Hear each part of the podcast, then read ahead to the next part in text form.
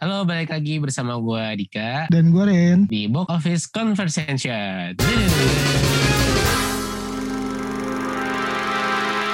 Kali ini ini ada tiga MOD yang dulunya itu sempat merasakan kru sampai akhirnya dia jadi MOD. Kemarin kan kita juga udah bahas tuh sama Umam. Nah kita datengin lagi Umam dan Ren juga kan partner gue. Sebenarnya dia juga MOD kan udah bahas juga kan pas pertama kali podcast. Nah kali ini ada teman baru di MOD juga. Dia itu sampai sekarang masih MOD di bioskop CGR ya. Namanya Firda ya. Halo Kak Firda. Hai hai hai. Dia senior loh, jangan macem-macem loh. Iya makanya itu. Bukan senior tuaan. Ini masih aktif ya Kak Firda ya Masih alhamdulillah. di bioskop CGR ya di Jakarta Selatan ya. Iya nggak sih? Apa pusat sih? Selatan aja kita mah literally. Which is ya, which is. Of course. Iya. oh iya, ini sama kayak Umam nih, dia baru jadi orang tua baru, baru punya anak juga. Udah aman ya, ada kayak Kak Firda. Aman aman. Aman ya, udah disusuin ya. Udah dong. Iya, suaminya juga udah. Belum nanti gilirannya. Oh iya, nanti. nih Kak Firda kan udah lama nih di bioskop. Eh, suka gak sih, suka nonton gak sih walaupun kerja di bioskop kan banyak tuh pegawai bioskop tapi gak suka nonton bioskop. Nonton sih suka. Hobi-hobi dengan nonton film ya. Mm-mm. Tapi untuk nonton di bioskopnya enggak. Oh enggak. Sorry mau nanya, editornya bisa bikin suara samar nggak? Emang mau Kayak robot, suara ngapain? robot. Biar kakak Firda suaranya lepas gitu loh. Kayak suara mawar. iya, disamarkan pakai suara mawar. Suara siapa yang mau disamarin nih? Ini Kak Firda. Astaga, emang suara gue jelek ya? Menyembunyikan identitas. Oh gitu. Kita ciri khas, terlalu ciri khas. Jadi kalau misalkan orang yang dengar pasti tahu gitu. Hmm, Kan kayaknya mau curhat nih, mengeluarkan unek-unek kan, Apa kerja di tuh? bioskop seperti apa. Jadi nanti kalau misalkan perlu disabarkan, perlu disabarkan. Oh iya, film favorit genrenya apa? gimana ya yang semacam ini loh kayak action yang kayak detektif gitu-gitu Oh, loh yang detektif. action tapi itu ada teka-tekinya gitu film yang Oh, mikir lah mikir ya? Hmm. Detektif Conan. nggak gitu nggak gitu dong sama film seri Oh series, film favorit nih sama series yang terfavorit. kalau film box office ya film The Commuter Line Komuter apa kayak lain kayaknya. Kamu Komuter Mohindo. MRT dong ya. Kamu lain ya. Komuter, Liam Neeson. Liam Neeson ya betul. nah Iya. angker kan Oh, Iya, iya angker ya. Ngelucu kan gue boleh, boleh, boleh, boleh. Kalau film seriesnya itu film Narcos. Terkos. Kriminal gitu ya. Iya, tentang Pablo Escobar. Oh, main di mana Ren? Di Netflix Netflix, ada. Oh ada Netflix. Ada, ada. Itu series kan ya? Ah. Series, series ya Ren. Dari Pokoknya yang, lebih itu Ren Kafirda. Jadi tadi kesukaan filmnya Kafirda itu detektif action gitu. Favoritnya kayak komentar lain sama. Komuter, komuter. Lainnya itu enggak, itu Oh jokes iya, komuter sama. Ya ya gak pakai lain ya. Komuter sama apa tadi Nar Markobar ya? Pertama. Marcos. Oh Marcos. Ini kan ada tiga MOD nih. Pengen tanya satu-satu. Awal mula masuk ke bioskop dan pengalamannya dari kru sampai sekarang nih jadi MOD atau yang lebih tinggi laginya. Dari siapa dulu ya? Eh, mulai dari eh, Kak Firda terakhir dah. Dari Ren aja dulu dah. Kan kemarin-kemarin kan kita udah bahas tentang lo ya. Jadi secara singkat aja kalau lo mah beda gak sih lo jadi kru terus eh, sampai sekarang jadi MOD. Ini hampir sama sih pertanyaan sama kayak Umam. Tapi gue pengen dengar dari lo aja sih. Kalau kru kan gue bareng sama lo tuh tahun 2013. Jadi terus tepatnya ditawarin sih kalau dari kru jadi MOD ditawarin adalah sama CM gitu. Cuman untuk jadi MOD-nya bukan di bioskop yang sama tapi di salah satu pantai di utara deh. Terus dapet tuh. Terus dapat ya pokoknya hampir sama dengan yang pernah gue ceritain aja sih di episode Hmm. kita yang sebelumnya. Nah, cuman kalau ketika jadi MOD itu kan kalau gue ya kayak dapat karma aja sih. Karmanya kenapa tuh? Sebagai kru kan bukan kru yang baik gitu ya. Hmm, Kru-kru nakal gitulah. natskal ya. ada yang ketawa tuh. Kayaknya ada yang, ada yang dinakalin sama dia. Ada kesan dan pesan nih kayaknya. Ntar ya kita bahas. Ntar ya. ya intinya gitu ya ketika gue jadi orang yang dulu mungkin pernah gue nilai eh kok Emodi kayak gitu sih maksudnya Emodi kok sesuatu yang rada gue benci gitu cuman ketika gue di posisi itu ternyata oh ternyata begini emang harus seperti ini dan gue ketemu dengan orang yang mirip banget sama gue gitu dan Hmm. untungnya kenakalan gue tuh bukan sesuatu yang dibanggakan cuman ya gue bersyukur aja gue dulu nakal dan ketika gue ketemu dengan orang yang nakal di bawah gue gue tahu cara handle nya gue tahu kenakalan yang dia lakuin tuh pernah gue lakuin jadi gue bisa bisa cegah terus bisa handle bisa bantu dia lah Jadi ada hikmah ya di balik semua itu ya. iya Hikmah di balik kenakalan lo ya. Tapi gue rasa lu gak nakal-nakal banget dah. nakal gue bersih gitu Enggak kalau misalkan buat kerja ya lu gak terlalu nakal ya. Lu tuh nakal kalau misalkan ada cewek itu kayaknya gitu deh. Kalau kerja sih kayaknya lu baik-baik aja. Cuman kalau ada datang kru baru cewek nah itu Lu jangan buka identitas lu sendiri deh. agak-agak gimana gitu. Kayaknya sama deh. Gue gak jadi emodi ya.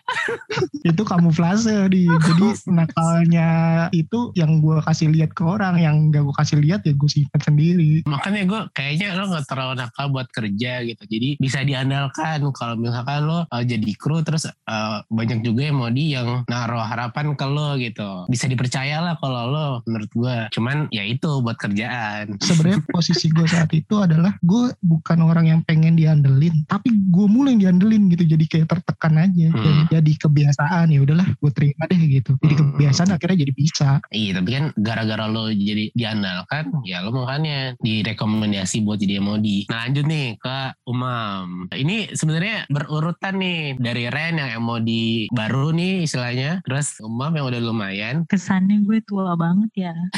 Bukan pengalaman Kak Firda. Kalau satu supervisor lebih lama Renhard, dua Renhard. Sama Renhard ya? Jadi jadi MOD mungkin dua dua, tapi kalau buat statusnya dua Renhard. Iya. Tapi kan yang agak lama kan ya lu kan yang berstatus sebagai backupan emodi. Iya. MOD gaji kru gue dua tahun kalau nggak salah. Nah justru itu. Gimana Mam? Lu kan udah segala macem ngerasain tuh kan kerjaan kan di bioskop. Kita kan udah kemarin bahas-bahas tentang lo nih. Nah sekarang singkat cerita deh tentang lo dari kru sampai MOD backupan sampai MOD beneran. Ya kru kalau kru pertama ya gue di CGR GI, ya CGR Jakarta Pusat lah. Terus dimutasi ke Bekasi, ketemu lulus semua tuh. Terus transisi ke perusahaan yang lain, sebut aja lah ya AGS. Lagi kebalik. ya intinya pada di tahun 2017 di saat transisi menuju bioskop F eh, yang buka di Pantai Apa Utara, tepatnya Renhard The yang di Pantai Utara itu Terus? yang tadinya gua mau ditaruh sana karena gue terbentur kuliah waktu itu masih kuliah semester akhir jadi Hmm. itu gua direkomendasiin sama Mister pemain Smackdown tuh yang ngefans sama Kakak Firda Si- Siapa Mas Smackdown? big show Mister T Mister T Oh The Rock ya? ya Terus? dibuat jadi SPV CS tapi di mall bukan di bioskop. Nah, Hmm. Jadi semua tuh yang gue laluin prosesnya buat promosi ke SPV atau MOD itu bareng Renhard. Tapi Renhard buat di namanya bioskop dengan gue buat di mall. Tapi Hmm. saat itu juga Mr. T juga yang rekomendasiin gue jadi SPV CS dia juga yang nahan gak jadi Lah buat gue stay di bioskop. labil ya. ya mungkin dia nggak rela pak gue pindah ke mall pak. Oh, Iya iya iya. Setelah itu karena di Bekasi ini tempat gua itu belum transisi ke bioskop F, akhirnya gue jadi mau di backupan di situ sampai jadi transisi ke bioskop F. Itu kurang Hmm. lebih satu tahun lebih lah, hampir dua tahun. Panjang ya. iya, di situ yang tadi lu bilang MOD backupan. Karena MOD MOD dari CGR udah ditarik, terus dari si AGS belum ada supervisor, akhirnya gua lah. Jadi MOD beneran berapa lama? Status supervisor itu pas transisi dari bioskop F 2017 kalau salah. Berarti kelamaan jadi backupan ya Mam? Enggak lah, Eh, ya hampir sama lah kalau backupan. Kalau backupannya dari dari CGR juga malah udah backupan terus saya Pak. Nah, iya makanya. Pemain cadangan saya, orang gudang nggak ada saya suruh kerja, angkat-angkat karung jagung. Iya, gas tabung. Iya, angkat tabung gas. Terus marketing nggak ada, saya suruh keliling. Gitu pak, saya mah saya mah pemain cadangan. Angkat-angkat yang pingsan juga nggak? Iya gak sih? Pernah kan ya? Iya pernah. Yang mantannya si R itu ya. Yang mana nih? Hostnya Box Sport. Mantan dia yang R banyak nih. Mantannya Reinhardt yang pingsan. Oh, Lala. Iya. ya pokoknya itulah adalah. iya, Lala kan. Iyalah itulah pokoknya lah. Pokoknya saya backupan pak semua pak. Iya, Pokoknya iya, iya. anak kasir kurang saya yang kerja. Hmm. Anak kasir kurang saya yang kerja. Lo harusnya di fotokopi aja, Mang. kan gocek ya kalau misalkan semua jar bukanya kayak umum. Termasuk antar jemput juga dia. Oh Dia- iya, ntar jumpa juga. Bener, bener, bener. Lo juga, Iya, Ren. Gua nggak segitunya Ren gak kayak lu gua. Iya, iya, iya. Kalau lagi, Bang? Nah itu aja kan gue udah pernah dibahas sebelumnya. Ya, jadi habis itu lo cabut ya. Habis dari Ya cabut. F, cabut ya. Eh, F gue cabut. Oke, nah ini baru nih the one and only satu-satunya cewek yang udah nikah sih, Kak Firda nih. Kak Firda kan lebih lama daripada kita ya. Gue jadi belum belum jadi kru aja dia udah kerja jadi kru di bioskop. Udah MOD kali. Oh udah ya? Udah kayaknya dia. Wih lama banget ya. Udah tua dia udah tua. Tapi ngomong tua masih tuan Ren kalau umur Kali buka kartu lagi. Eh jangan umur. di atas gue masih ada Ren soalnya.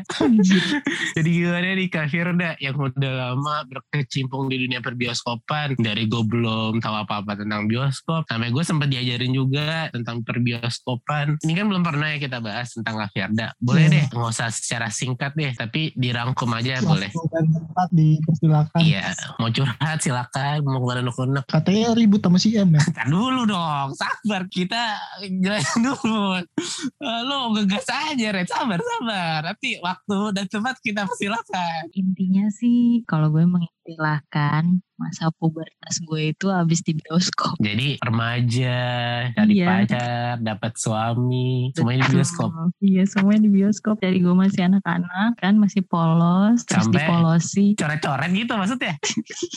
sampai udah digait orang udah masih aja di bioskop luar biasa ya. Emang dari umur berapa Kak Firda di bioskop? Itu dari 18 OTW 19 tahun. 18 18 tahun. Oh udah 10 tahunan berarti. Dari tahun berapa nih? Gue 2011. Ini tahun ke-10 gue. Anjir. lulus SMA akhir tahun 2011 gue baru join baru masuk kerja Hmm. dan kerja tuh cuman yang 45 ribu per hari Buset dah. 45 ribu. iya sebelumnya gue tuh dapat kerjaan kerjaan udah UMR UMR pada zamannya ya 13 apa 15 gitu terus gue ditelepon gue diterima dengan gaji segitu per hari lo bayangkan kalau full gue 1,1 doang kalau enggak ya paling cuma 900 ribu kan hitungannya hari Ngambil Oh. gajinya masih cash di Patra ya. Enggak dong, udah modern. Pas zaman gue udah modern. Oh ada transfer. Pertamanya doang ngambil GI, sama doang masih ngambil ke. Pertama kali berkecimpung di bioskop di unit mana? Terus kerjanya apa? Gue pertama itu di semacam apa ya? Di Tatar ya. Pertama Iya. tuh di Tatar dulu, suruh guntingin sedotan. Kenapa ya guntingin sedotan? Karena tempat sedotannya itu kayak yang tabung gitu. Kan Hmm. kalau sekarang tempat sedotan tuh atasnya kayak kebuka. Kalau dulu kayak tabung stainless, cuman ada bolongan di bawahnya. Jadi kita narik dari bawah gitu loh. Jadi Ah, iya. tuh harus masukin gitu harus sesuai dengan ukuran dispenser itunya Iya, wadah dulu kayak sedotannya. Jadi karena ukurannya berbeda tuh kita mesti gunting-guntingin itu sedotan setiap hari kalau mau Hmm. refill. Itu setiap hari kerjanya gitu. Ya setiap hari sebelum mulai tuh kita prepare untuk guntingin sedotan. Di Oh. situ suruh angkat popcorn, eh, angkat corn sheet ya. Jadi kan kalau mau masak mau mopping tuh Hmm. dari bagnya itu kita pindahin dulu ke kirapek kan. Nah, Hmm. udah itu lu angkat dengan Iya. 22 kilo itu ke kirapek. Gue Iya. nggak pernah kayak gue. Iya. 2,68 saya koreksi. Kan disamarkan mam. ya, terus? Selamat ya.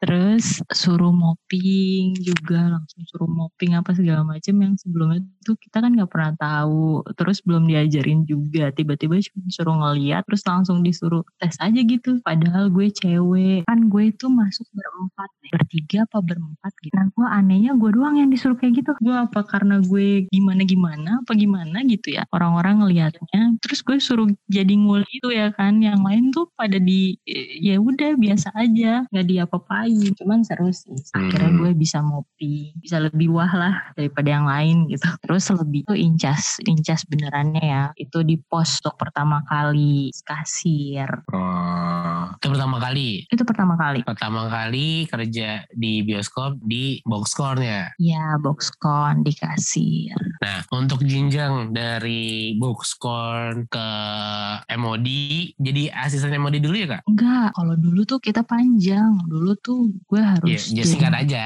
Enggak jenjangnya panjang. Jadi gue mesti jadi master trainer dulu, terus ke leader, Ah. habis leader baru probation MOD. Waktu gue Hmm. pindah ke Bekasi tuh, itu gue Ah. masih jatuhnya probation supervisor selama Oh. satu tahun. Kalau gue oke ya baru gue supervisor. Dari Hmm. supervisor baru jadi ya asisten manager, baru Ah. jadi site manajernya gitu.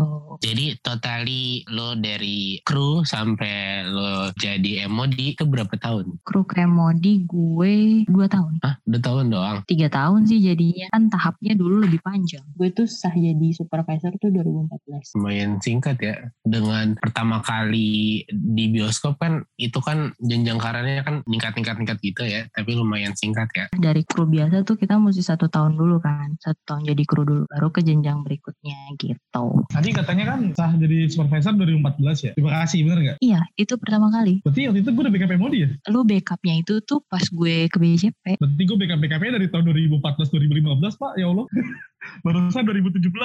statusnya si Umam tuh lagi leader pas gue move itu karena yang satunya ganti gue baru kan ya Umam baru bener-bener break Hmm. 2015 dari 2014 tuh dia udah lead lah udah leader gitu Hmm. leadership ya dulu juga Hmm. FYI ini untuk para Audi yang mau lagi dengerin. Sebenarnya Aren, Umam, Kak Firda ini sempat kerja bareng-bareng. Nah kayak misalkan Umam sama Kak Firda itu sempat duet jadi MOD. Dan kadang-kadang si Ren suruh backupin gitu. Jadi FYI aja nih ketiga MOD ini sempat kerja sama juga gitu.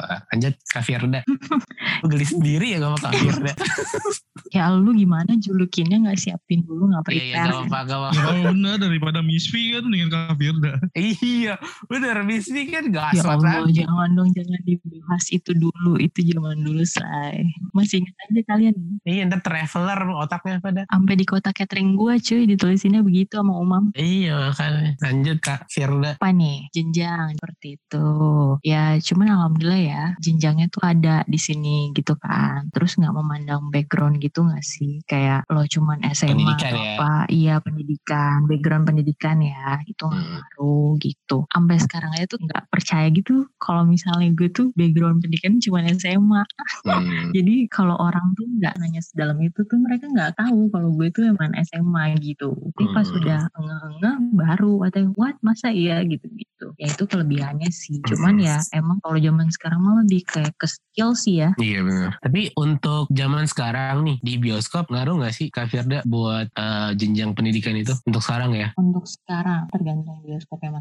masing-masing ya. Hmm. Kalau misalnya nyari dari misalnya orang masuk langsung supervisor gitu atau apa kriterianya sih harus ada background pendidikan D3 atau S1 deh. Hmm. kalau dari luar tapi kalau internal masih rekrutnya sesuai ini aja pengalaman terus performance gitu Hmm. kalau untuk masuk langsung ke jenjang supervisor gitu ya Jadi masih di inilah ya dipedulikan lah ya kru-kru yang senior buat diangkat lebih lagi. sih cuman ya biasalah namanya lagi pandemi kan ya Iya sih. kendalanya semua di mana-mana karena lagi pandemi aja tapi Benar. kalau normal jalan normal ya semuanya masih sama lah untuk jenjang karir gitu Kalau untuk CGR sendiri itu dampak buat pandeminya itu parah nggak sih? kalau dibilang parah gimana ya enggak sih? Oh enggak ya, jadi aman ya. ya ini jujur aja sih. Maksudnya kalau namanya pandemi kan kalau bioskop bioskop kan pada tutup gitu. Ya itu sewajarnya aja gitu loh.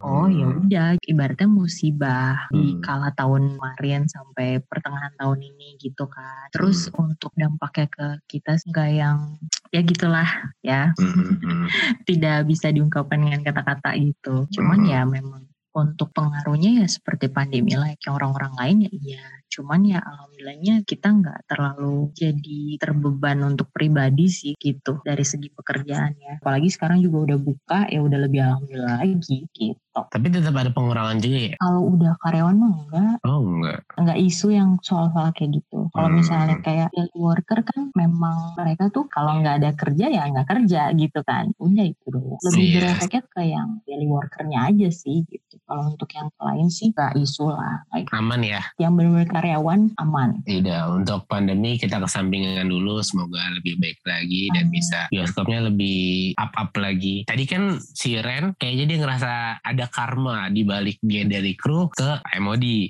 Hal serupa sama gak sih? Sama yang lo rasain? Iya, of course, of course, of Of course. course.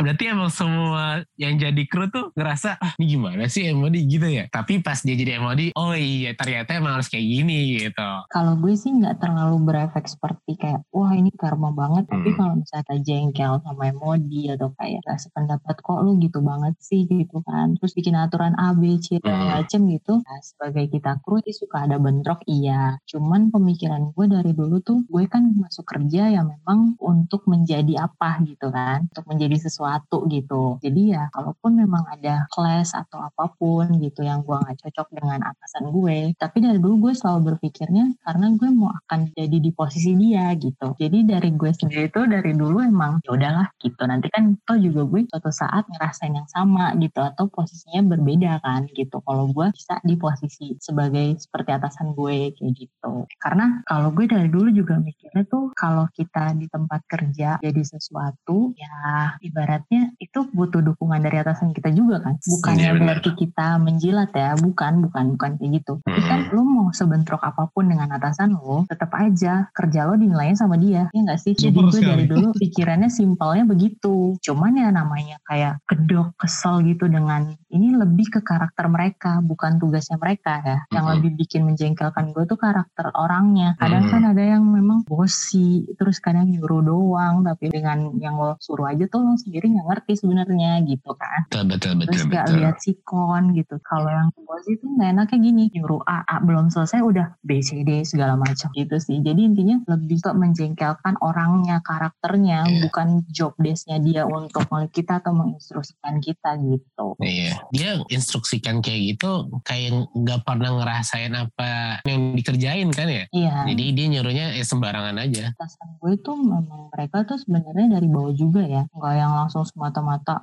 ya Kebanyakan dari bawah juga. sama ada yang dari pro juga, cuman Oh. gitu kayak MOD syndrome. Lupa daratan lah ya. ada kan yang kayak gitu kan lo udah recruit terus lo ke kerja baru jadi leader ya kan baru jadi leader aja udah begitu apalagi SPV ya kan lebih lebih lagi Tadi kan lo ini ya kak, apa namanya ngomong ada juga MOD yang dari S1 atau D3 gitu kan ya untuk eh, langsung jadi MOD itu pasti beda banget ya. Yang dari MOD dari kru. beda Pernah ngerasain gak sih MOD dari yang langsung jadi MOD atau dia yang eksternal. iya eksternal atau yang di internal? sangat. Bahkan punya atasan juga sangat. Merasakan Impactnya itu bosi ya. impactnya bukan bosi say impactnya tuh kayak ada tuh orang yang gengsi. Hmm. kayak lu masuk ke suatu tempat apalagi background lu sebelumnya di tempat lain tuh sebagai manajer untuk bidang lain ya. Mungkin sama-sama retail tapi bidangnya lain. Kalau kita kan kayak bioskop lebih ngelayaninnya beda lagi gitu kan. Terus uh, perintilan-perintilan di dalamnya juga ada flow kerja yang berbeda gitu. Ya kayak lu masuk karena lu udah merasa atasan ya mungkin gengsi kali dengan apa yang lo belum tahu gitu kan jadi Hmm. main nyuruh sesuatu tapi lo nggak discuss dulu nggak nanya dulu. Padahal belum tentu itu sejalan dan yang seharusnya gitu sih. Karena kan kalau ujung-ujungnya kalau atasan gue terus main perintah kayak gitu ya yang karena kita kita juga. Kalau misalnya salah kan. Iya benar. kadang lebih ke gengsi sih lebih ke gengsi. Nggak mau belajar sama-sama dulu gitu. Maksudnya Hmm. di sini di mana ya areanya? Jadi datang-datang langsung seakan ya udah gue yang ini gue yang tahu gue harus kayak gimana. Ada yang memang pintar cuman ya suka ada yang gitu lah. Apalagi kalau baru selevel supervisor ya terus Hmm. masuk sama gengsi juga begitu. Ya udah. Nah, lu pernah gak sih konflik sama orang lain atau kru atau MOD juga? Bukan karena kerjaan tapi karena sifat? Kalau gue karena sifat enggak sih, gue rata-rata berantem. Kalau gue merasanya ya, tapi nggak tahu deh Hmm. kalau orang yang ngeberantemin gue merasanya karena sifat juga apa enggak. Kalau Hmm. gue berantemin dia karena kerjaan. Biasanya tuh kenapa? Ya kalau nggak ngejalanin instruksi pasti dia marah lah gitu. Terus misalnya kan kalau jadi kayak supervisor gitu ngelit banyak anak ya, kalau Hmm. diikutin satu maunya, katanya salah gitu bagi yang salah satu tapi Hmm. nggak terima tapi padahal sebagian besar maunya seperti itu gitu ya kan kadang Mhm. satu salah yang satu jadi pemberontak gitu Iya benar-benar. terus kalau kita berusaha ngebaur nih gitu. Maunya Hmm. apa deh gitu ya kan. Maunya apa maunya gimana biar kita tuh sejalan sama-sama enak gitu kan. Tapi di Ah. antara merekanya nge-up poin satu poin dua poin tiga kelompok mereka sendiri tuh nggak ada kesepakatan gitu. Jadi kayak kebanyakan suara. Sedangkan yang minim suara yang nggak sepakat dengan poin itu tuh malah jadi berontak nantinya gitu. Itu yang Iya. kita kadang suka bingung gitu. Jadi dan kita lempar ke mereka maunya kayak gimana malah merekanya nggak sepaham juga gimana. Benar benar benar iya iya. Gue tahu gue tahu gue tahu. Nih ke umam nih. Betul. kan lo juga pernah jadi modi tes nganter banyak pala. Gimana mam? Gue waktu itu pernah ngerasain juga. Lo pernah ngebebasin nih contoh kecilnya aja ya. Bikin schedule. Lo pernah ngebebasin anak kru lo untuk libur Request. masuk request. Bebas terserah. Tapi itu nggak beberapa lama cuma beberapa minggu lah. Itu gimana mam? Kenapa bisa sampai segitu? Apa lo mau mencoba demokratis tapi ternyata nggak bisa gimana Nggak sebenarnya ketika kita ngatur banyak orang kan yang tadi kan dibilang ngatur banyak kepala ya. Maksudnya Hmm. setiap orang itu sifatnya beda-beda, pendekatannya pun beda-beda. Jadi kalau waktu kita di bawah itu di level kru lihat emodi itu pilih kasih sama si A sama si B sikapnya beda, sebenarnya bukan karena beda, tapi karena emang pendekatannya yang harus beda, bukan karena keputusannya yang berbeda. Gitu. Kayak misalkan gue ngomong sama lu nih, bisa ngomong kasar bentak-bentak, tapi ketika gue ngomong sama cewek lu nggak bisa, ntar ada dia mojok. yang mana? Yang sekarang, oh yang sekarang. Ya kan? iya iya iya yang lama juga sama lah intinya sama lah. Yang mana lagi nih? Banyak banget mata lu sial. Dia soalnya tiga yang ada di situ. Dia harus Iya. dijelaskan. Harus spesifik dong yang dua yang dua. Kalau yang impor masih agak kuat lah diomel-omelin Kalau yang pertama lo yang diomelin ya mam. kalau yang pertama gue yang cium tangan sama dia. Kalau yang sungkem ya iya asal jangan cewek yang lain ya. Bukan punya lu ini sekarang nah balik lagi. Maksudnya pendekatannya beda-beda. Jadi bukannya pilih kasih atau gimana. Mengenai schedule ya. Yang gue alami sebagai kru dikasih schedule juga tukeran bener nggak benar. Nah, gue berusaha kayak gitu biar nggak ada tukeran, biar Hmm. paten. Ingat gue ya, gue Iya. cuma ngasih tuh atau masuknya satu liburnya. Jadi lu milih, liburnya milih satu, masuknya milih satu. Misalkan gue Jumat milih masuk siang, terus dia libur. Nah, Hmm. nggak boleh lebih dari itu pokoknya. Hanya dua poin. Nah, Hmm. jadi ketika di situ, nah barulah gue susun schedule dibarengin sama schedule yang kuliah. Bukan buat demokratis doang, tapi buat gimana Hmm. caranya schedule ini paten buat atur kan kita kan ada performance spesial juga kan. Iya. misalkan kru itu buat ditaruh di unit mana, ada Hmm. rollingan segala macam. Sebenarnya ke situ tujuan gue, tapi kan balik lagi semua kadang-kadang nggak sejalan. Kita emodi misalkan dua tiga orang, empat orang atau sama si M-nya nggak klop. Oh ternyata kayak gini gue diprotes. Jangan kayak gitu, ntar keenakan. Padahal maksud gue bukan keenakan. Gitu. Emang susah lah. Jangan kan ngatur orang. Kita pun tim pun bertiga berempat di level supervisor pun adu pendapat tuh hal yang biasa. Tapi kan Hmm. intinya kan buat kemajuan sama-sama. sempat purik-purikan gak sih karena beda pendapatnya sama supervisor yang lainnya ah lu nggak sesuai sama yang gue pengen akhirnya jadi ngambek. Padahal kan beda pendapat kan biasa. Cuman gara-gara beda pendapat malah jadi kebawa pribadi gitu. Enggak sih kalau misalkan udah, udah di level supervisor nggak ada sih. Sedikit gue nggak ada. Udah pada dewasa udah pada matang. Jadi emang di level kru aja yang suka gosip-gosip nggak jelas tuh. Ah, lu kan yang bikin request schedule ya? Gue sendiri sih yang ngerasain. Ada Ah. beberapa kru yang emang sengaja dibentrokin. Sama gitu. Liburnya masuknya. Ada beberapa orang. Ya itu balik lagi yang tadi yang tadi gue bilang balik lagi strategi. Kan kita kan harus lihat juga kultur sosial di site tersebut. Misal si A si B lagi konflik ya kan? Justru gue gue sengaja bentrokin biar apa? Biar nih lu sekonflik apa pun sama teman kerja pasti suatu saat akan butuh. Konflik Hmm. sama anak hotspot sama anak kitchen lu Hmm. mau eh, nggak dibantuin saat lu repotan ngambilin makanan? Nggak bisa kan? Nah justru gue kayak gitu. Sengaja gue bentrokin biar konflik dari mereka itu selesai. Gue sedang kayak gitu. Daripada kalau dibiarin dibiarin bisa dipisah dipisah sosial di kerjaan tuh malah nggak bagus. Ingat kan waktu lo berantem nggak mau ngambilin popcorn gitu kan Ya, Iya. karena popcornnya udah habis tapi dia masih jualan jumbo kan lo marah kan Iya marah anjir. Keselin banget. padahal tuh buat sales loh ya mam iya betul itu kan buat duit duit juga sebenarnya Ya, makanya iya sih. kayak gitu gitulah yang gue sengajain Tapi nggak nggak komunikasi kan keselnya gitu. jadi lo curhat kan iya iya udah deh. Itu mah iya udah lah. Untung lo nggak jadi emodi ya. Jadi nggak ada yang karma. maksudnya emang pendekatannya beda-beda kayak contoh kemarin kasus terakhir itu sebelum gue cabut 2019 ya masih baru belum gue cabut lah sekitar satu dua bulan sebelum gue cabut saat Hmm. itu kondisi sangat sepi sepi banget lah tapi kru yang masuk itu banyak coba lo kalau datang ke bioskop di kasir banyak banget orang lu segan gak sih buat datang buat beli tiket buat beli makanan males kan Iya takut. kayak lu kayak diintimidasi kalau misalkan lu dikerubutin banyak orang. Kayak misalkan Hmm. lu harus beli, lu harus beli gitu. Nah, Iya. saat itu emang gua se- gua brief anak-anak kalau banyak banget orangnya, please eh, yang lain sisanya ke belakang dulu kek, apa kek bersih-bersih pantry kek, Hmm. ya kan yang belum sholat sholat dulu kek segala macam. Nah, mungkin emang ada anak kita nggak tahu kan daya tangkapnya rendah atau gimana. Mungkin ada yang ada yang daya tangkapnya salah juga bukan rendah, sorry. Daya tangkapnya salah, mensalah artikan. Hmm, terus Jadi dia istirahat lebih dari dua jam. Ketika terciduk oleh si M, di- dibilangnya suruh gue gitu. Hmm. Nah akhirnya di situ si M marah dong sama gue dong. Saat Iya, gue iya, lagi iya. off pun gue dipanggil gitu. Kenapa lu nyuruh orang break 2 jam 3 jam? Nah berarti kan daya tangkap orang beda-beda. Nah pendekatannya harus beda. Itulah jadi pelajaran buat level-level berikut. Untuk Ren nih, Ren ini pendekatannya tuh beda. Gue rasa ya. Ini sama cewek bedanya apa? Oh iya bukan bukan cewek aja sebenarnya. Gue tuh pernah ngerasain di bawah Kak Firda, Umam sama Ren. Nah kalau Ren itu kalau malam pendekatannya tuh suka masih makanan.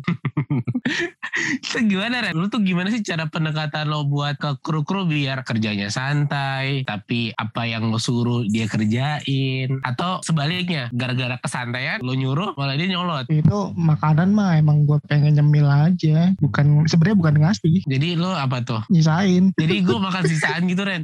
Kucing dong gue. Ren kan bukan kayak si Mr. Sultan itu di yang bagi-bagi makanan terus. Siapa? Ayo, Mr. Sultan. Siapa kan Firda Apa Sultan? lagi tuh gue?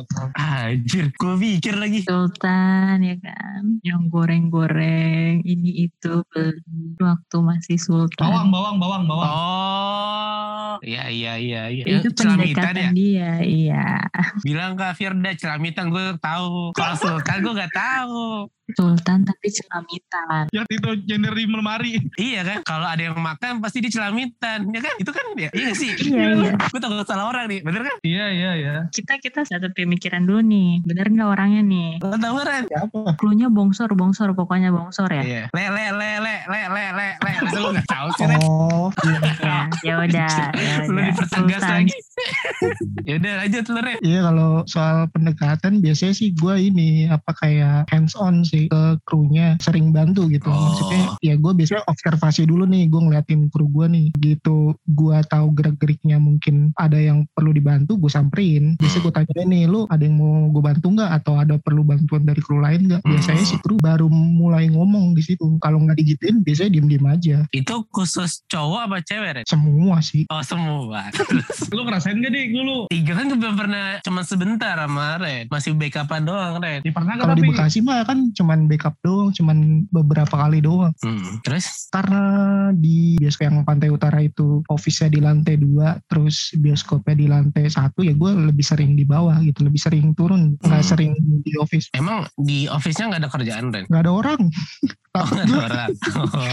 Kalau misalkan MOD itu ada kerjaan di office-nya nggak sih? ada pasti Berarti lo udah nyelesain kerjaan lo dulu gitu loh, baru hands on gitu kan? Ah. Prioritasin kerjaan lo dulu, baru tolongin kru lain gitu kan? pasti gue kerjain dulu semuanya udah gue kerjain baru gue keliling-keliling tuh lihat-lihat Gue sering lihat kok kalau misalkan MOD itu kalau misalkan lagi eh, banyak penonton atau lagi kesusahan krunya banyak yang ngebantuin sih. gue justru malah seneng di bawahnya itu karena emang dulunya kru ya Hmm. begitu ada jam rame penonton rame itu malah seneng gitu malah kayak bantuin di hotspot gue support ala ala pelatih basket gitulah poin poin poin gitu kan gue Iya. semangat semangatin gitu Cuan, cuan, cuan, cuan.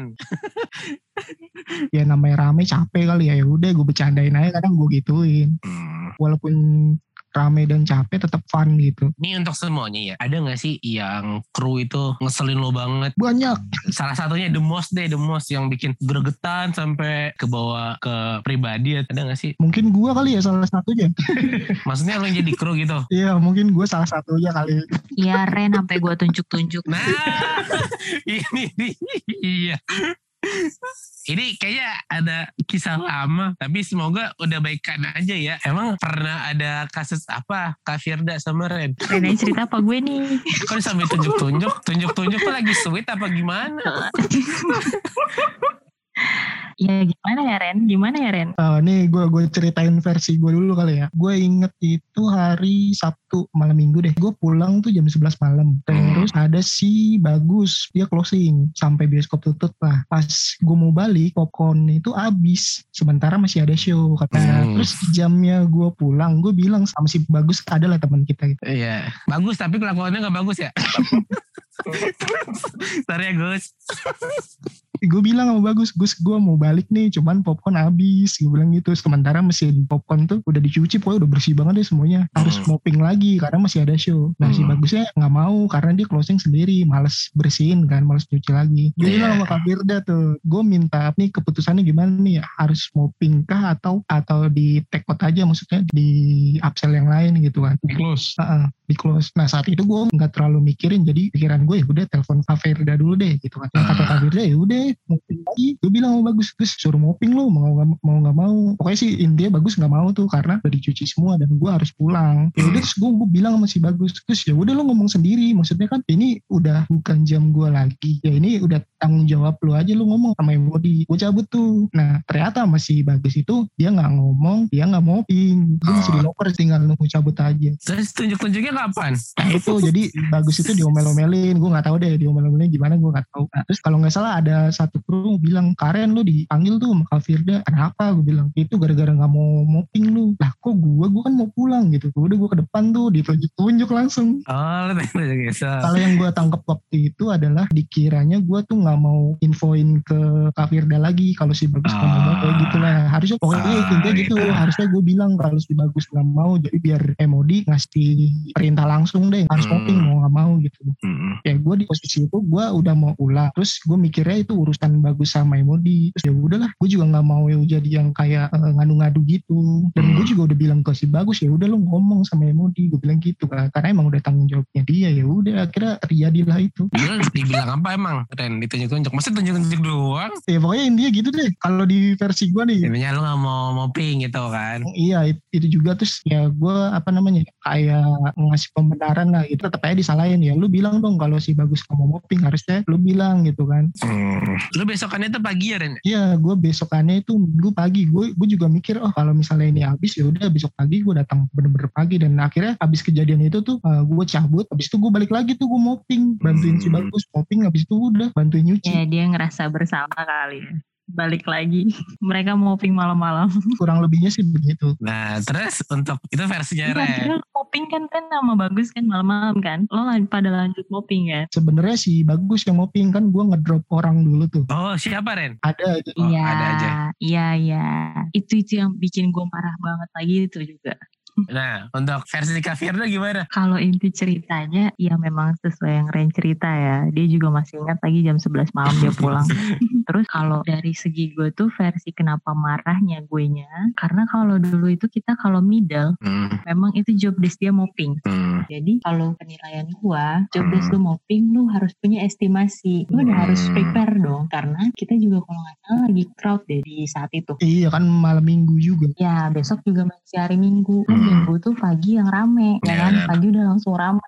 Intinya sih pemikiran gue di situ. Karena middle itu memang job desknya mopping gitu Hmm. kan. Udah yang pertama dia gak ada estimasinya. Terus ya itu soal dengan bagus malah lempar-lemparan. Ah. Jadi yang gue cecer beda yang ya job desk itu. Ya kan? Ah.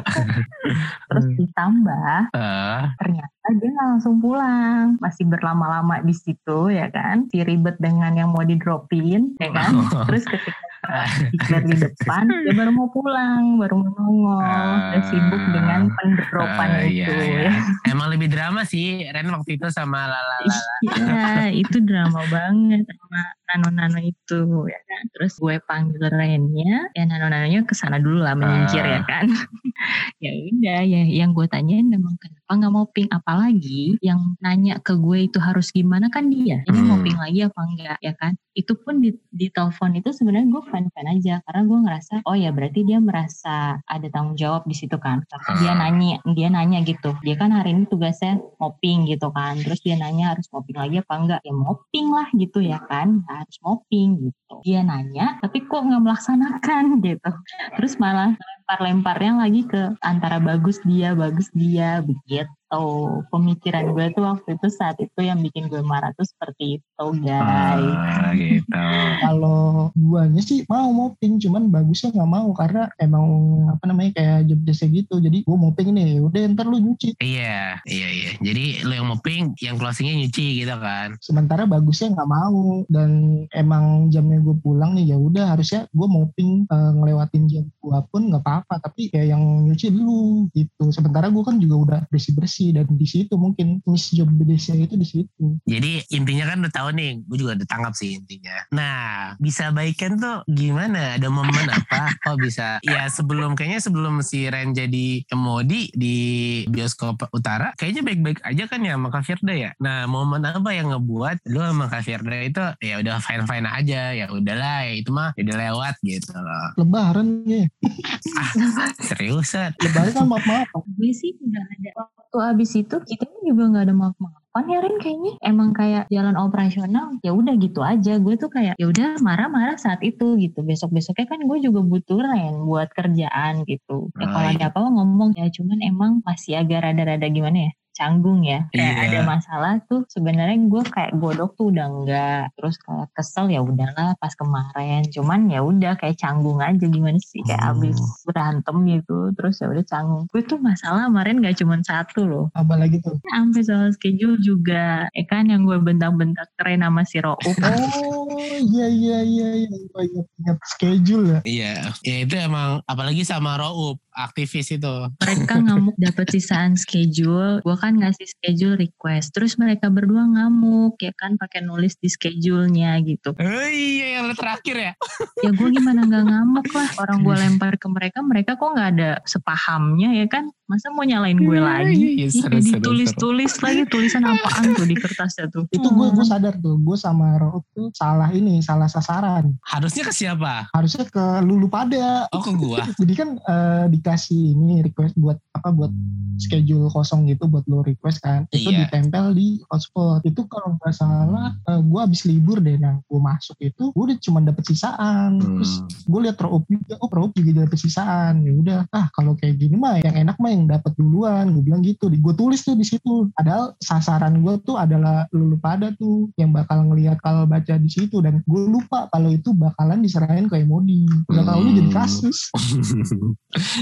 Eh, Gue lupa tuh. gue ingat itu soalnya delas ya. Kak Firdanya delas itu ya. itu gue mau ke BCP Iya delas kan ya di GGV kan. tapi gue kan balik lagi Iya beberapa bulan kemudian. Iya, gue balik lagi karena pengganti gue nggak tahu nggak kuat kali. Iya bener. Makanya itu gue dikembalikan. Pas lu dibalikin lagi, perasaan lu gimana? Enggak, gue udah nggak ada apa-apa, nggak ada apa-apa, nggak gimana gimana. Oh jadi profesional ya. Iya, gue ini nggak pencitraan ya. Enggak, tapi emang emang nggak apa-apa sih. Kalau nggak salah pas balik dari BCP itu udah jadi anak Vespa kalau nggak salah. Oh iya. Jaketnya udah Vespa Iya, banget nggak tuh. usah di- Oh iya benar benar benar. Hmm. Udah dong, jangan dibahas Gue tahu kayak jaket Vespa soalnya. Gue ada Vespa nih. Bener kan, masa muda gue tuh habis di bioskop kan, sampai lu pada tahu. iya makanya. Anjir, anjir. Tadi kan Ren versus Kafirda. Ini ada lagi nih Ren versus ya. Ini ada lagi nih yang lebih seru. Ini Ren sama Umam. Lebih ke personality. Episode kemarin sama Umam itu ke foto gara-gara durasi. Makanya mau dilanjutin sekarang. Apaan? Itu masalah jemput-jemputan. Itu emang bener ya? Lu berdua kaya ya, kaya ya. Gue ini cuman asumsi gue doang. Deket sama orang yang sama. Oh gue mau umam. Iya lah. Kalau gue bilang iya, tapi beda motif. Tapi tujuannya sama. Enggak, tujuan gue beda. Harusnya jawab aja kita gue sama lu deket gitu udah. Oh jadi lu sama Umam? Bukan dong. Orang lain lagi gitu loh. Orangnya sama. Masa lu sama Umam deket? Kalau sama Rehan gue nggak ada masalah. Cuma kayak dingin aja gitu. Dingin ke Iya. gue, bukan gue ke dia. Apa sebaliknya gue nggak tahu. Ah, lah. gue biasa aja beda. Iya pokoknya intinya lu berdua sama. Deketnya sama cewek yang lu tuju. Itu gimana? Yang bener. Enggak juga sih dibilang bener. Enggak dibilang enggak tapi bener. Gimana sih? Jadi gini, awalnya itu umam yang deketin. Oh ini Umam. Ini ini si ini kan orang Cibitung kan Iya, ini Miss V baru. Pokoknya pas di angkatan lu itu, yang paling cantik dia. enggak kalau gue lebih suka tuh cewek yang kalem, soalnya gue gak mau diem. Iya dia juga kalem sih. Nah dia kalem banget kan. Nah jadi gue seneng aja dan emang awalnya tujuannya ya mungkin sama kayak Reinhardt udah mulai suka-suka. Tapi pas gue tahu umurnya jauh di atas gue, ya udah gue cuma pengen temenan aja gitu. Tapi bener nggak masalah yang dia jemput lo, tapi lo nggak jemput dia, terus akhirnya si Ren yang jemput. Gue lupa, tapi pas Reinhardt kemarin ngomong gue jadi inget lagi.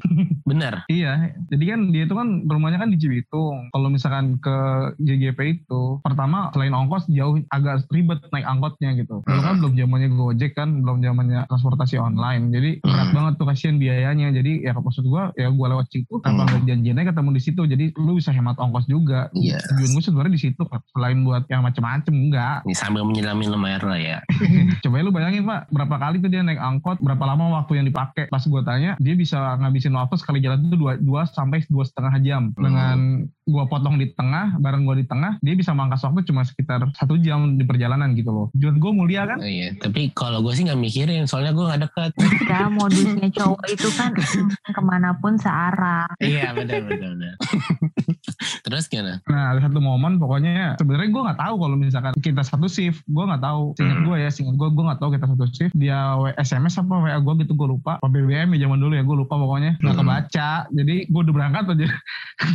Akhirnya di situ celah buat tren. iya. Nah, terus Ren gimana Ren? Gue sih nggak ngambil celah. Jadi gini kan, emang awalnya kan Umam nih yang deket nih. Nah gue kan awalnya sukanya bukan sama dia kan, sama Hmm. yang itu yang gendong-gendong Iya yang lo, lo yang lohan lah. gue tuh sama si Miss V ini cuma temen doang gitu dan kalau nggak salah kejadian awalnya itu gara-gara itu jadi dia kalau cerita ke guanya ya dia katanya udah janjian sama Umam nih mau dijemput cuman udah sampai jam berapa gitu udah mepet nggak dijemput-jemput terus dia nelpon gue sementara guanya udah sampai di tempat kerja. Dia minta bareng. Gue bilang Hmm. gue nggak bisa gue udah nyampe sini. Masa gue ya udah deh gue balik lagi. Gue bilang gitu kan karena kasihan juga. Hmm. dan dari situ gue kan cuman ya kayak nggak tahu emang di setting atau apa. Keseringan satu shift bareng breaknya sering bareng terus kayak gitu. Terus eh, waktu itu kan si yang jenong itu kan deket sama Emodi ya. Iya. nah gue sering diceng-cengin tuh kayak sama anak-anak. Nah gue dibelain gitu sama si Miss V ini. Udah lu sini aja sama gue break sama gue gini gini gini dikiranya tuh gue gue kayak kayak kayak patah hati gitu padahal mah enggak biasa aja ya udah karena sering bareng sama dia ya udah jadi begitu Gitu gue nggak jadi gue nggak ada konflik sama Reinhardt kalau soal itu. Ya nggak ada kalau orang gue juga nggak ngambil celah apa-apa gitu emang tiba-tiba jadi makin deket aja gara-gara itu sih. Cuma ada satu momen awkward banget sih pas gue sama Reinhardt sama tuh cewek. Jadi saat itu balik apa sih general meeting kalau nggak salah. Kita makan ber- berempat satu lagi banci. Nice. gue makan berempat pak. Jadi geli-geli gimana gitu. Gila enak gak? enggak jadi maksudnya lu mau ngapain coba lu makan berempat cowok tiga cewek satu satu cowoknya setengah lagi Tapi ngobrol gak pas makan gitu? ya ngobrol biasa aja emang gak ada masalah gue lebih bisa bisa bilang kalau misalkan gue sama Renhat waktu itu agak dingin bukan karena cewek tapi karena emang waktu itu pemahaman kerjanya yang kata pas kasus-kasus pahaman gue itu loh jadi kan si. Renhat kan kubunya mereka tuh waktu itu tuh Hmm. emang waktu itu kan gue kan sendiri number one enemy kan jadi Hmm. mulai dari situ aja sih agak nggak bukan masalah tapi emang nggak akurat nggak apa sih nggak klop aja gitu bukan ada masalah Nggak gitu. akrab aja. Iya gak akrab.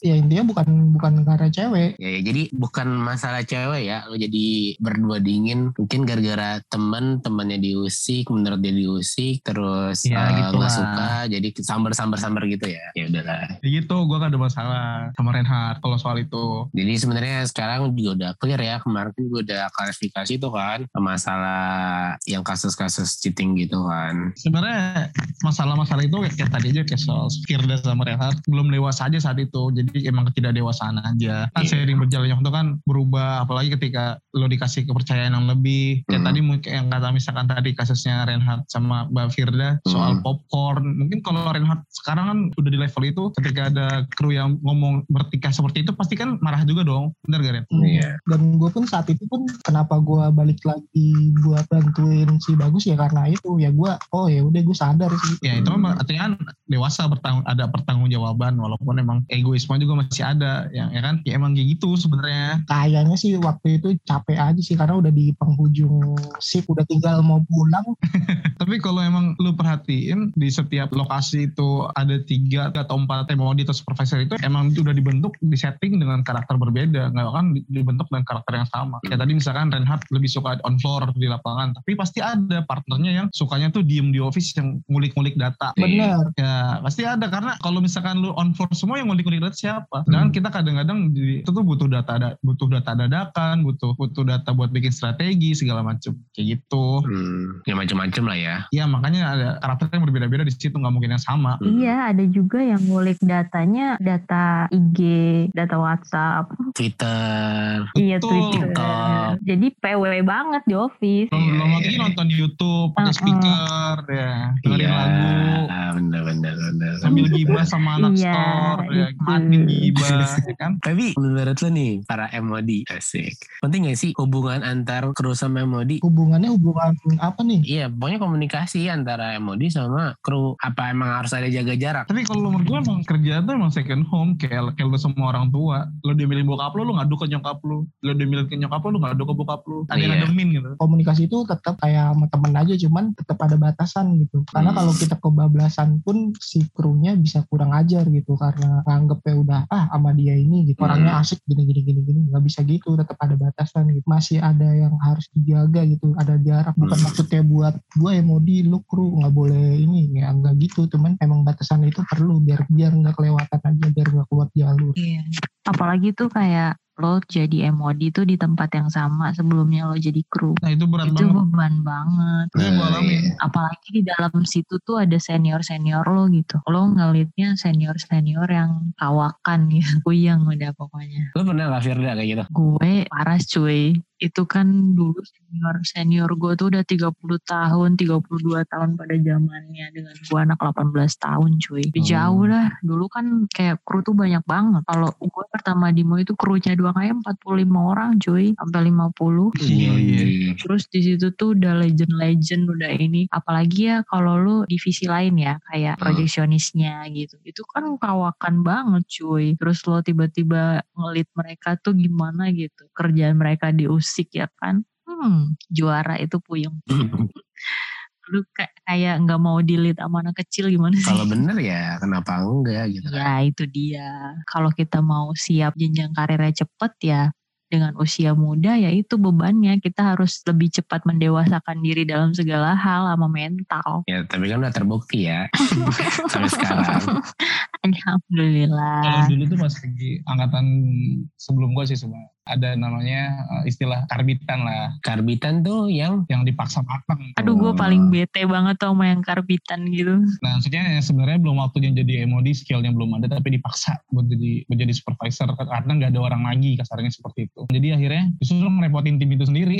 pasti sih karena belum ada pengalaman dan mungkin teorinya juga nggak ada kan? Ya udah udah kerepotan sebenarnya kasihan ke dianya juga ya. Iya. Betul, jadi nggak dihargain. Mungkin gue tuh nggak tahu ya, mungkin gue juga mungkin gue dicap karbitan juga sama orang lain. Tapi intinya gue ngelihatnya kalau misalkan ada kru yang lebih pintar dari MOD-nya, wah luas salam. Iya kan kritis juga sih. Beda ya kritis sama maksudnya gini, ketika MOD-nya nggak bisa mencahin masalah nih, alat pelangap pelongo, terus tiba-tiba krunya datang dengan kayak hero langsung bisa ngerjain masalah itu. Kayak udah ini banget loh, udah useless banget tuh jadi MOD. Nah itu dia yang maksudnya yang bikin jadi ada istilah itu.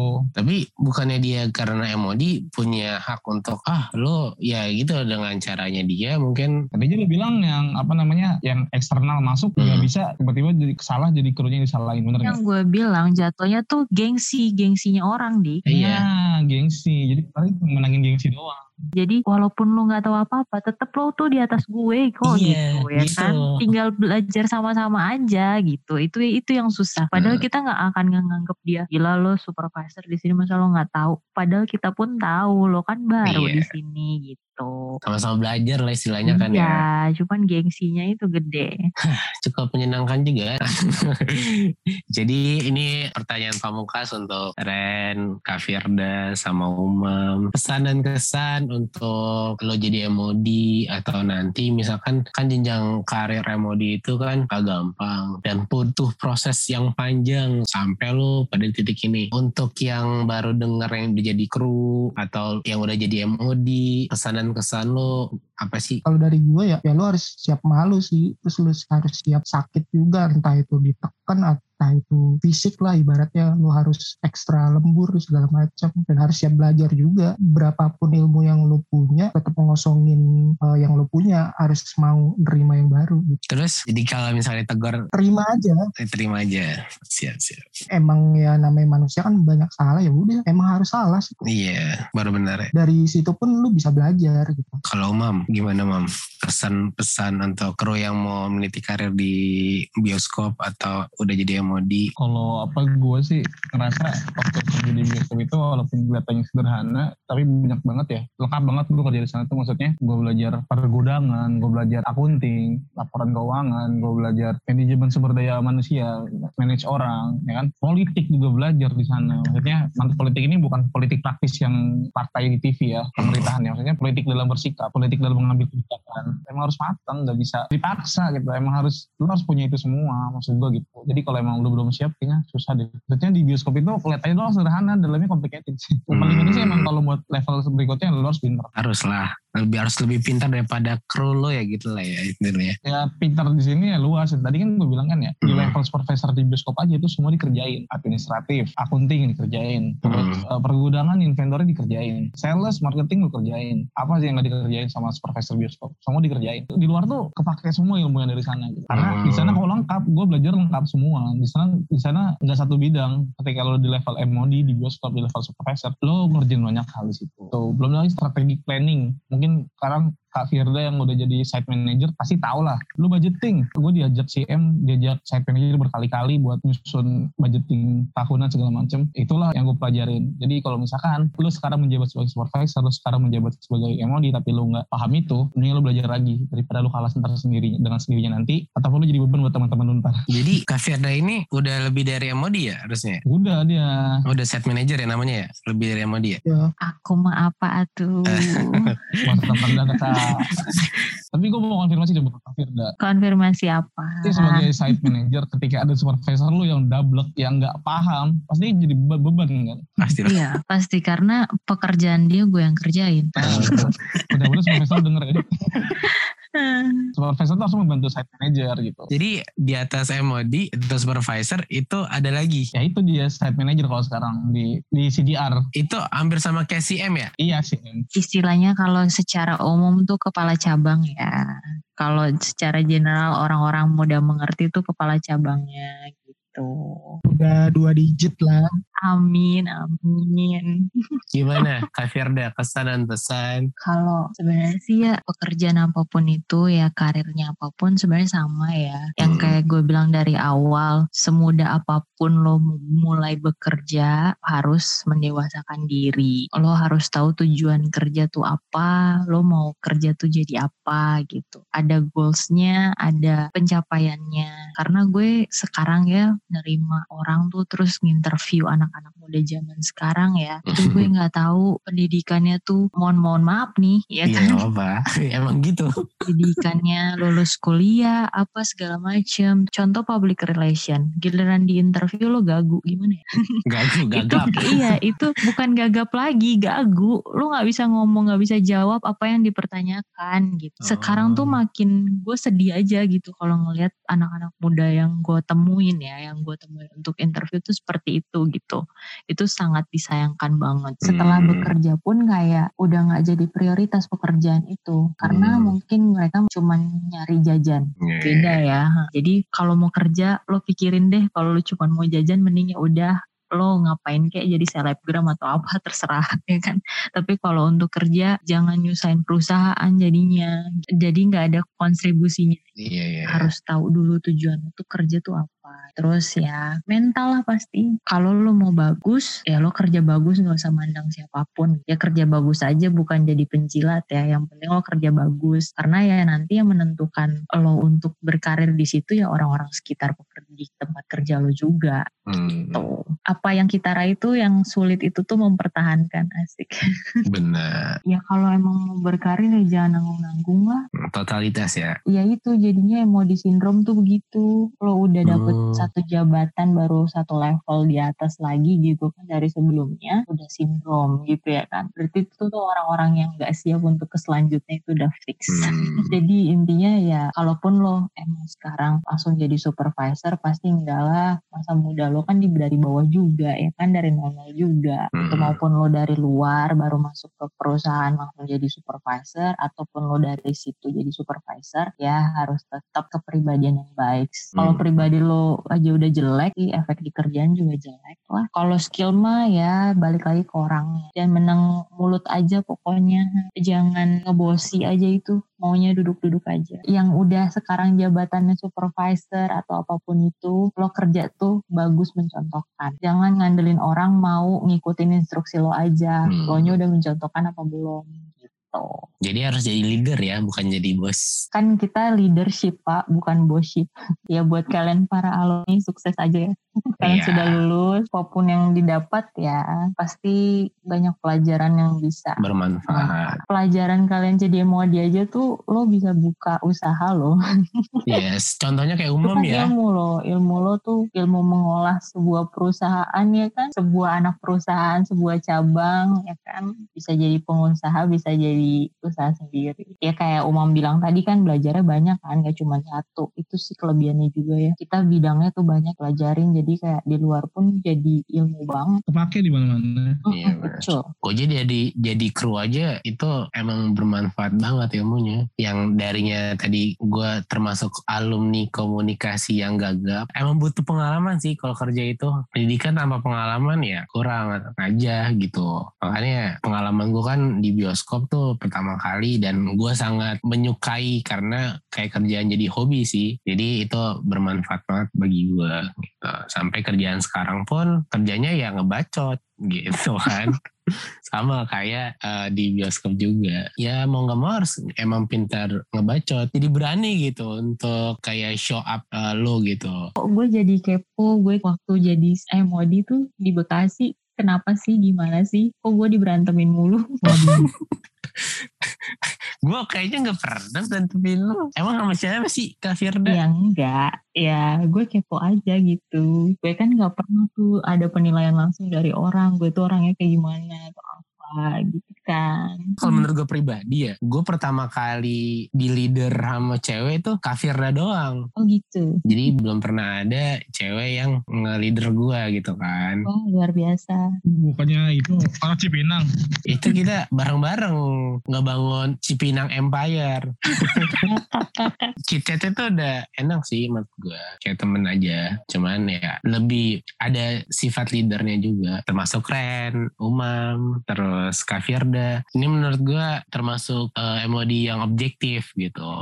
Walaupun ada unsur-unsur yang mungkin kru lain yang nggak suka atau gimana mungkin lebih ke personalitinya untuk kerjaannya sih menurut gua cukup objektif Gini loh, gue bisa kasih kesimpulan sedikit. Ini secara general ya, bukan di bioskop doang maksudnya. Di Hmm. Indonesia lah terutama lah. Gue gak tahu kalau luar negeri karena, karena gue belum pernah kerja di sana. Faktor usia itu penting. Jadi ketika lo ada di level berikutnya, mendingan lo rahasiain umur lo. Kalau Hmm. misalkan umur lo masih muda, lo sulit diterima. Lagi kalau misalkan punya bawahan yang umurnya lebih tua atau lebih senior. Yang bener tadi Kafir, Kafir udah bilang. Di sini Hmm. tuh masih sulit diterima. iya benar contoh diri gue sendiri lah. Iya. Orang bisa respect sama gue ketika gue kerja. Tapi ketika orang tahu umur gue, iya langsung benar, berubah. di sini tuh masih sensitif banget yang kayak gitu-gitu di tempat kerja gua baru pun yang, yang terakhir ya yang terakhir tuh gue punya atasan tuh usianya sama kayak gua cewek lagi emang dia punya pengalaman kerja di luar negeri sekian tahun bawahannya dia level supervisor itu umur 30 ke atas nah Hmm. ketika kita nggak tahu umurnya dia semua orang ngehargain karena pengalamannya dia karena cara komunikasinya dia yang bagus tapi Hmm. ketika orang tahu umurnya dia masih hijau berubah pak respect itu berubah apa Hmm. namanya secara alami secara akan berubah dan lu akan ngeliat sisi childishnya dia. Padahal Hmm. dia sebenarnya saat lu belum tahu umurnya, lu nggak ngeliat childishnya dia kayak gimana. Mindset berarti jatuhnya. ya. Emang di ini di sini masih sensitif banget kayak gitu. Makanya gue setiap sekarang nih, gue selalu ngerahasiain umur gitu. Biar Iya. lu nggak ngeliat gue jangan dari usia gitu aja. Dari muka ya. Dari muka aja lah.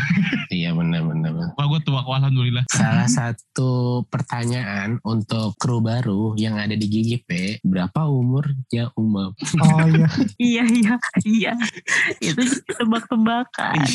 itu kan sebenarnya buat happy happy buat lucu lucu ya. Tapi Iya, gue sebenarnya benar. emang tapi itu gue nggak suka. Oh sorry. Gua- Bukan karena gue nggak suka jadi bercandaan, tapi menghilangkan respect itu sendiri. Hmm, Emang tuh orang tuh jangan ngeliat fisik bener deh. Kalau ngeliat fisik aja, kalau kayak secara lebih tua atau apa ya soal dihargai atau tidak ya. Terus Hmm. yang kedua ngeliat fisik ya itu juga fisik yang dihargai atau tidak untuk bisa berikut bekerja gitu. Padahal sebenarnya orangnya layak. Iya, di sini di negara ini lah gue bisa gue nggak bisa nggak bisa lebih spesifik. Hmm. Ya emang skill dan kualitas tuh belum terlalu terlalu blow up. Yang pertama emang lo harus punya tampang yang oke, terus relasi, pokoknya hal-hal yang fundamental yang sebenarnya yang sebenarnya fundamental buat bekerja. Kayak Hmm. skill itu kayaknya tuh susah. iya benar. Lo berskill tapi lo nggak good looking juga susah pak. ya udah, emang kayak gitu. Gimana lagi? Ini mah kita sebenarnya banyak pembahasan ya. Kalau nggak direm tuh pembahasan bakal banyak banget. Apalagi udah lama nggak ketemu. Iya benar. Sebenarnya sih gue pengen nanya personality nih, gue sama Ren sih. Kan lo berdua nih udah berkeluarga, terus mungkin arahnya udah ke keluarga ya. Kan gue kan sama Ren belum keluarga. Enak gak sih berkeluarga? Tanya Kak Firda aja tuh. berkeluarga ketika lu lagi bekerja terus di posisi gue Hmm. nggak enak gue merasain nggak enak posisi gue tuh nggak enak bukan keluarga gue yang nggak enak kalau dulu kan muda tuh kita mikirnya kayak karir karir karir gitu ya kan pas Hmm. udah berkeluarga tuh naluri lu udah beda gitu Iya kayak sih. lu sebagai cewek ya lebih ke keluarga sebenarnya. Hmm. Yang justru itu menghambat gue untuk maksudnya menjadi kendala yang lumayan besar ya buat sekarang. Untuk gue itu sebagai eh, ibu rumah tangga gitu. Maksudnya posisi gue kayak di keluarga. Ya kayak apalagi udah punya anak ya. Semua cewek karir tuh setuju lah gitu. Cewek karir tuh akan lebih susah untuk soal keluarga gitu. Apalagi ke anak kan lebih jarang waktunya kan. Dan sekarang gue ngerasain di posisi itu. Jadi gitu. mellow. Kalau cowok mungkin efeknya enggak ya, karena kan emang itu tugas utamanya ya. Ya enggak Hmm. sih Eh, cowok cowok, tuh hai. nggak Ya, kawin. dari sisi si perusahaannya itu ada berubah pandangan ke elunya atau enggak sih? Kalau pekerjaan kita kan kalau di perusahaan yang kayak gini nih, mau Hmm. ke mana aja gitu kan. Apalagi kalau cabang banyak kan kita bisa ke mana-mana ya kan. Hmm. Masih ada toleransinya lah untuk hal-hal kayak gitu. Tapi untuk daily jobnya gitu ya nggak berubah. Tetap aja lo kalau pulang harus malamnya malam, liburnya juga jauh-jauh, susah gitu pekerjaan apa lo misalnya masih di keluarga lo di Jakarta, lo masih di Jakarta aja walaupun misalnya kayak gue sekarang dari Bekasi ke Jakarta gitu kan, ke daerah Jak- Jakarta yang perjalanan mesti dua jam gitu ya kan, Hmm. itu udah bersyukur aja dibanding lo benar-benar jauh, kan bingung lo mau ninggalin anak, ninggalin suami gimana nggak mungkin. Hmm. Kalau gue posisinya laki kan bisa aja istri anak ngikut ya kan. Iya. Oh itu yang jadi kendala tuh yang kayak gitu-gitu. Hmm. Tapi toleransi mah ada, cuman selebihnya mah tetap nggak berubah.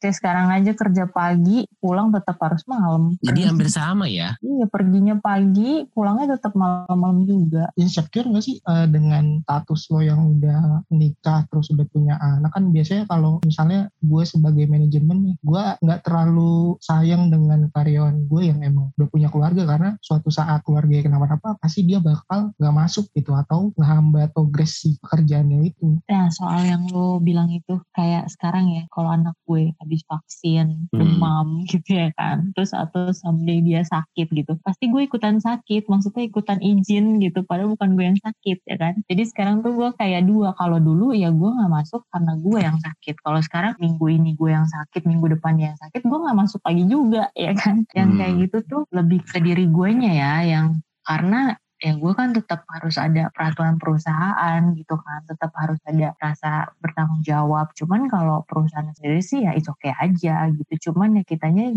kebeban juga gitu. Sama tim sih lebih ke timnya lebih ke tim yang disetkan kayak ya gue gimana pun ada ya ada udah atasan gitu, udahlah dia nggak masuk ya nggak masuk, udah santai gitu ya kan, Hmm. udah ada supervisornya juga santai, ada yang kayak gitu kan, cuman kalau gue nggak enakan orangnya nggak nggak bisa yang kayak gitu. Tuh jadi emang bebannya di situ aja. Kalau kayak harus ada keluarga kenapa atau anak gue kenapa ya harus izin izin dulu kan susah ya nggak mungkin Benar. kayak jadi bebannya tuh yang di situ aja. Lebih ke di, ke gue nya aja nggak enakan. Tapi dari perusahaan sih oke aja sebenarnya. Cuman gue ke timnya itu nggak enak gitu Hmm. nggak mau yang dinilai kayak ah mentang-mentang lu ya gini-gini gue aja terlambat gue izin sama supervisor gue ada kan orang yang udah atasan Hmm. ya udah lu mau datang jam berapa pulang jam berapa silahkan gitu ada kan yang kayak gitu Iya, udah. kalau gue sih ya karena gue merasakan kali ya kalau gue mau punya atasan kayak gitu jengkel juga kan Iya, seenaknya aja gitu kan. iya Kalau dari Umam, Saya emang nggak berubah banyak. Alhamdulillah istri nggak mengekang. Jadi saya emang bebas-bebas aja orang. Tapi tahu diri. bebas apa mam bebas beristri satu aja kan lo? Satu. Insya Allah. Amin. Amin. Sebelum jadi mau jadi kedua dik. Masa poliandri istri lo? Gimana sih?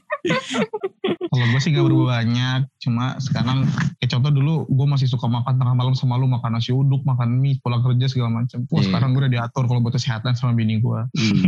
Ya gitu aja sih. Cuma selebihnya ya fine-fine aja. Gue masih bisa ngumpul sama teman, diundang teman masih bisa datang. kalau laki Nggak- mah lebih santai mah kayaknya Iya. Ada aja yang itu istrinya ngekang nggak boleh nongkrong ya ada atau ada apa ada namanya. ada Bini gue jadi gitu aman sih ya soalnya masih tahu waktu gitu. Ya, Tujuan iya. itu tuh berubah. Kayak waktu dulu gue masih suka main sama lu naik gunung segala macem. Gue udah gak kepikiran ke sana. Gue malah gue kemikirnya, ntar nih anak gue harus bisa ngerasain juga kayak gitu. Gitu. Hmm. Yang positif dia harus selesai. Tapi bener kan ya mam, pokoknya segala pemikiran kita tuh atau gaya hidup kita sampai sikap tuh semua berubah karena anak. Iya, bukan karena pasangan. Kalau pas masih ada istri doang atau suami doang tuh belum terlalu. Pas udah ada anak tuh baru berasa banget deh. berubah langsung. Seru ya? Seru Mm-mm. cobain aja dulu. Bikin anak. Gue abis nikah aja soal pekerjaan tuh kayak oh ya udah gitu. Paling cuman ngebatasin waktu aja buat suami gue kan gitu. Nah pas udah ada anak tuh langsung kepikirannya gitu. Posisi gue sekarang tuh kayak ah ternyata gue lebih dibutuhkan untuk anak gitu. Lebih termotivasi juga gak sih ke Firda jadi kerjanya gitu? Karena anak. Iyalah termotivasi untuk cepet berangkat kerja dan cepet pulang kerja. Iya benar. Iya bener aja gue kayak udah ngerasain. Bisa kan katanya nanti ntar lagi. Insya Allah. Cobain aja lah.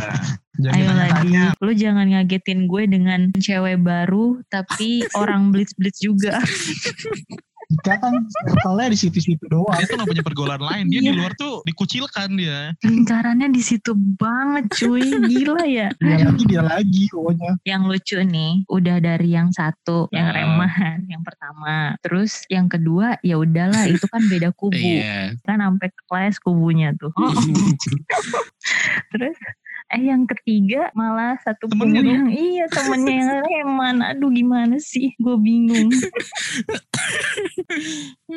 ya begitulah Kasih hidup. bulannya emang di kita perusak pertemanan. Kayak tadi aja gue sama Rehan gak ada masalah apa-apa dicari-cari sama dia. Iya bener. gue juga ngakak tuh. Cuman gue mute aja. Naikin rating, maaf naikin rating.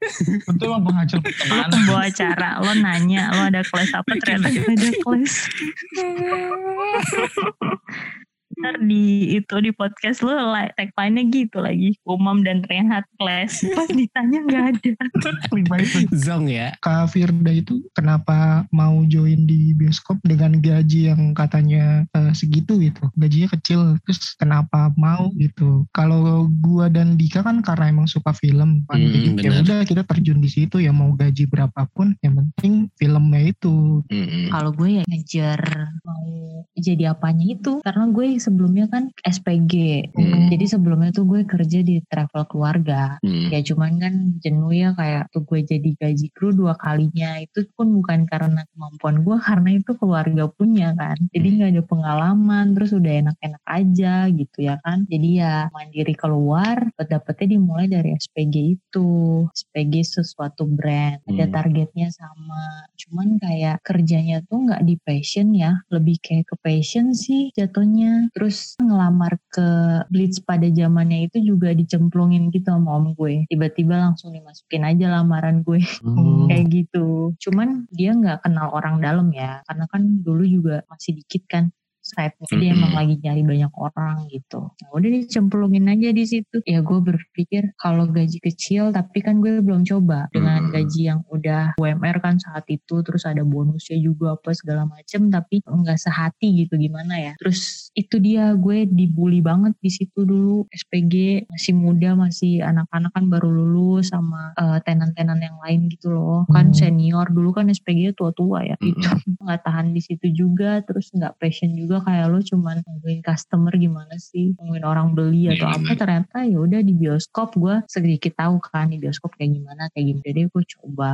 ya itu ibaratnya coba-coba berhadiah ya kayak Hmm. ya udahlah coba kan gue belum pernah ngerasain ya udah siapa tahu di situ passion gue eh ternyata kena ya udah Sampai sekarang ya. iya sampai sekarang Suka filmnya dari itu di bioskop itu, bukan sebelumnya. Enggak, sebelumnya gue suka film. Kan gue bukan suka bioskopnya ya, tapi suka film. Tapi untuk bekerja di bioskop nggak kepikiran karena gue suka filmnya, enggak. Hmm. Bukan itu. Karena ya itu aja, gue pengen coba yang baru, yang emang mungkin dari compare kerjaan gue sebelumnya. Karena gue ngerasa nggak saat di kerjaan sebelumnya, terus gue, aduh bioskop nih ya kan. Tapi nggak kepikiran gue bisa nonton nih, jadi tahu film atau apa enggak, nggak ke sana. Cuman udah ada apa ya bisa gue gali di sana ya udah gue coba dulu aja tentunya ya alhamdulillah ada jenjang karirnya segala macam udah langsung semangat banget gue situ Ya, sampai sekarang nih jadi set manager ya. iya termasuk jadi PW juga sih cuman orang kadang tuh suka bilang ya zona nyaman zona Mhm. nyaman gitu gue sendiri tentang itu Kenapa tuh? kalau gue di sini ada jenjangnya gitu kan. Jadi Hmm. lu kayak nggak jenuh dan nggak mentok di situ gimana sih? Kalau zona nyaman tuh kayak lu merasa ya udah lu PW-nya di situ, lo mau mundur enggak, maju enggak, ya kan? Kayak Hmm. ya udah gue enakan di sini. Bilang zona nyaman, zona nyaman tuh gue tolak, gue gak suka dia bilang gue zona nyaman. Tapi Hmm. Ketika gue mentok ya gue bakal meluluskan diri dari sini. Ada rencana? Iya dong kan biar, nggak jadi zona nyaman pak. ya gimana sih kan eh, lo sekarang mau menjenjang karir. Mm-mm. Ketika lo udah ke jenjang yang mentok, misalnya masih ada lagi tapi kan di luar dari jenjang yang ini beda ranah dong. Kalau di operasional sama di office gitu kan beda ya. Iya. Di office pusat beda beda ini kan gitu. Ya kalau passion gue kan wilayahnya yang di sini. Ya kalau jenjangnya udah mentok ini ya kalau ada rezeki gue bisa mencoba baru atau ya gue membos menjadi bos sendiri dengan usaha sendiri ya kan amin ya Allah Amin. ya balik lagi ke personality yang lo tanya soal keluarga ya gue akan lebih berpikir ke situ lah Ini makasih banget nih buat Kak Firda dari masalah awal mula, keluh kesah, konflik, sampai kehidupan lengkap ya untuk episode kali ini. Banyak poin kehidupan juga yang diambil, apalagi masalah kerja. Sebagai gue kan belum ada pengalaman buat nanti berumah tangga. Amaren juga siapa tahu dengar. Kemarin. Enggak, maksud gue, gue sama Ren belum ada pengalaman gitu loh. umam lo cemburu aja Tahu, Mam. Oh iya, seumur umur gue jadi kru jadi emodi. Satu-satunya emodi yang gue lihat pernah ini ya. Jadi dia kayak pengen negor anak-anak itu buat aware sama kebersihan. Cuman dia kayak mungkin negor udah, tapi ditunjukin juga gitu dengan dia nyapu yang kotor gitu-gitu. Pokoknya bener-bener ditunjukin gitu. Siapa? Itu Kak Firda. Oh iya. Itu penjiwaan Ren, penjiwaan ibu-ibu. Naluri itu mah. Itu kan dulu waktu masih muda. Oh. Enggak, jadi emang nggak tahu ya. Gue kan ada temen juga, maksudnya eh, SPV yang cewek juga. Udah dua kali, eh, dua kali, tiga kali gitu. Hmm. Cuman dari SPV yang cowok, yang cewek itu satu-satunya yang gue lihat ya emang tujuannya ba- bagus gitu. Maksudnya dia pasti negor nih bu untuk kebersihan area karena kan customer pasti ngeliat tuh. Dan Hmm. dia nggak cuma negor doang itu, nggak cuma busi. Eh lu bersihin ini nih, nggak gitu doang. Hmm. Tapi ditunjukin juga, gue nyapu deh gitu. Gue bersihin deh, kayak Hmm. nunjukin nih, ini lu harus bersihin kayak gini, dibersihin, dicontohin gitu. Itu cuman satu-satunya yang selama gue kerja di bioskop yang gue lihat kayak gitu tuh, itu Firda. anjir gue kira mau bahas siapa Kegaga ya? gue kayaknya cocok jadi leader housekeeping ya tapi thank you loh thank you ya thank you loh Maksudnya yang bukan sosok, bukan yang cuman nyuruh doang gitu. Ternyata ditunjukin juga diajarin ya ditegur pasti ditegur, udah pasti ditegur duluan sih Iya. maksudnya udah pasti disuruh cuman mungkin anak-anaknya yang bebal aja jadi harus dituntut Biasanya dia minta tanda tangan logbook nih. Dik. Iya. Oh iya. Logbook lo mana logbook? Trauma gue sama logbook yang pada ngomongnya ngasal-ngasal. Tapi sekarang masih ada logbook. Masih, masih, masih ada Oh. logbook. Jangan sedih, itu rutinitas anak-anak dalam menulis logbook suka saling kata-kataan, saling maki-maki itu masih banyak, Oh, masih see. terjadi. Iya, masih terjadi tenang say. Oh. Tinggal disidak-sidakin aja. Jadi mempertahankan tradisi ya. Iya, masih ada aja puyeng gue ngelihatnya. Tapi lucu gak sih? Kan lu kan beranjak dewasa, lu pernah ngerasain juga. Terus sekarang lihat, Ih anjir ini gue dulu kayak gini juga nih. Ya udah kayak emang mau dihilangin juga gimana ya, tetap aja ada. Tradisi, tradisi udah gak Habit bisa. sih, menurut gue bukan tradisi, habit. Iya, turun temurun ya habitnya gitu. Iya, karena ya turunnya ke anak muda lagi, ke anak muda lagi. Iya. Secara kru kan pasti anaknya 18 sampai 22 tahun, Pak. Iya benar. Yeah. Jadi ya udah kayaknya sama-sama aja deh curhat di logbook nggak bisa lihat pulpen sama kertas dikit ya kan. Ya udah, makasih banget buat Kak Firda sama Umam Ya. sama Ren juga yang udah jadi bahan untuk episode kali ini. Eh, untuk kru-kru yang eh, ingin jenjang karirnya di bioskop ini harus banget didengerin karena banyak kojengan dari para MOD biar lebih baik lagi MOD-nya, lebih disukai oleh krunya sama lebih bijak dalam mengambil keputusan. Jadi makasih ya Kak Firda dari CGR, Umam, dari alumni Bioskop F, Ren juga alumni Bioskop di Pantai. Makasih ya. Umam Kak Firda makasih semua Sama-sama sama udah dikasih waktu buat sharing di sini ya. Iya, sharing silaturahmi. Thank you Iya. banget. Ya, gua Dika cabut. gua Ren pamit Umam. Ada Kak Firda juga. Bye. How does a moment last forever? How can a story never die? It is love we must hold on to. Never easy, but we try. Sometimes our happiness is captured. Somehow a time and place stand still. Love lives on inside our hearts and always will. Minutes turn to hours, days to years that go. But when all else has been forgotten, still our song lives on.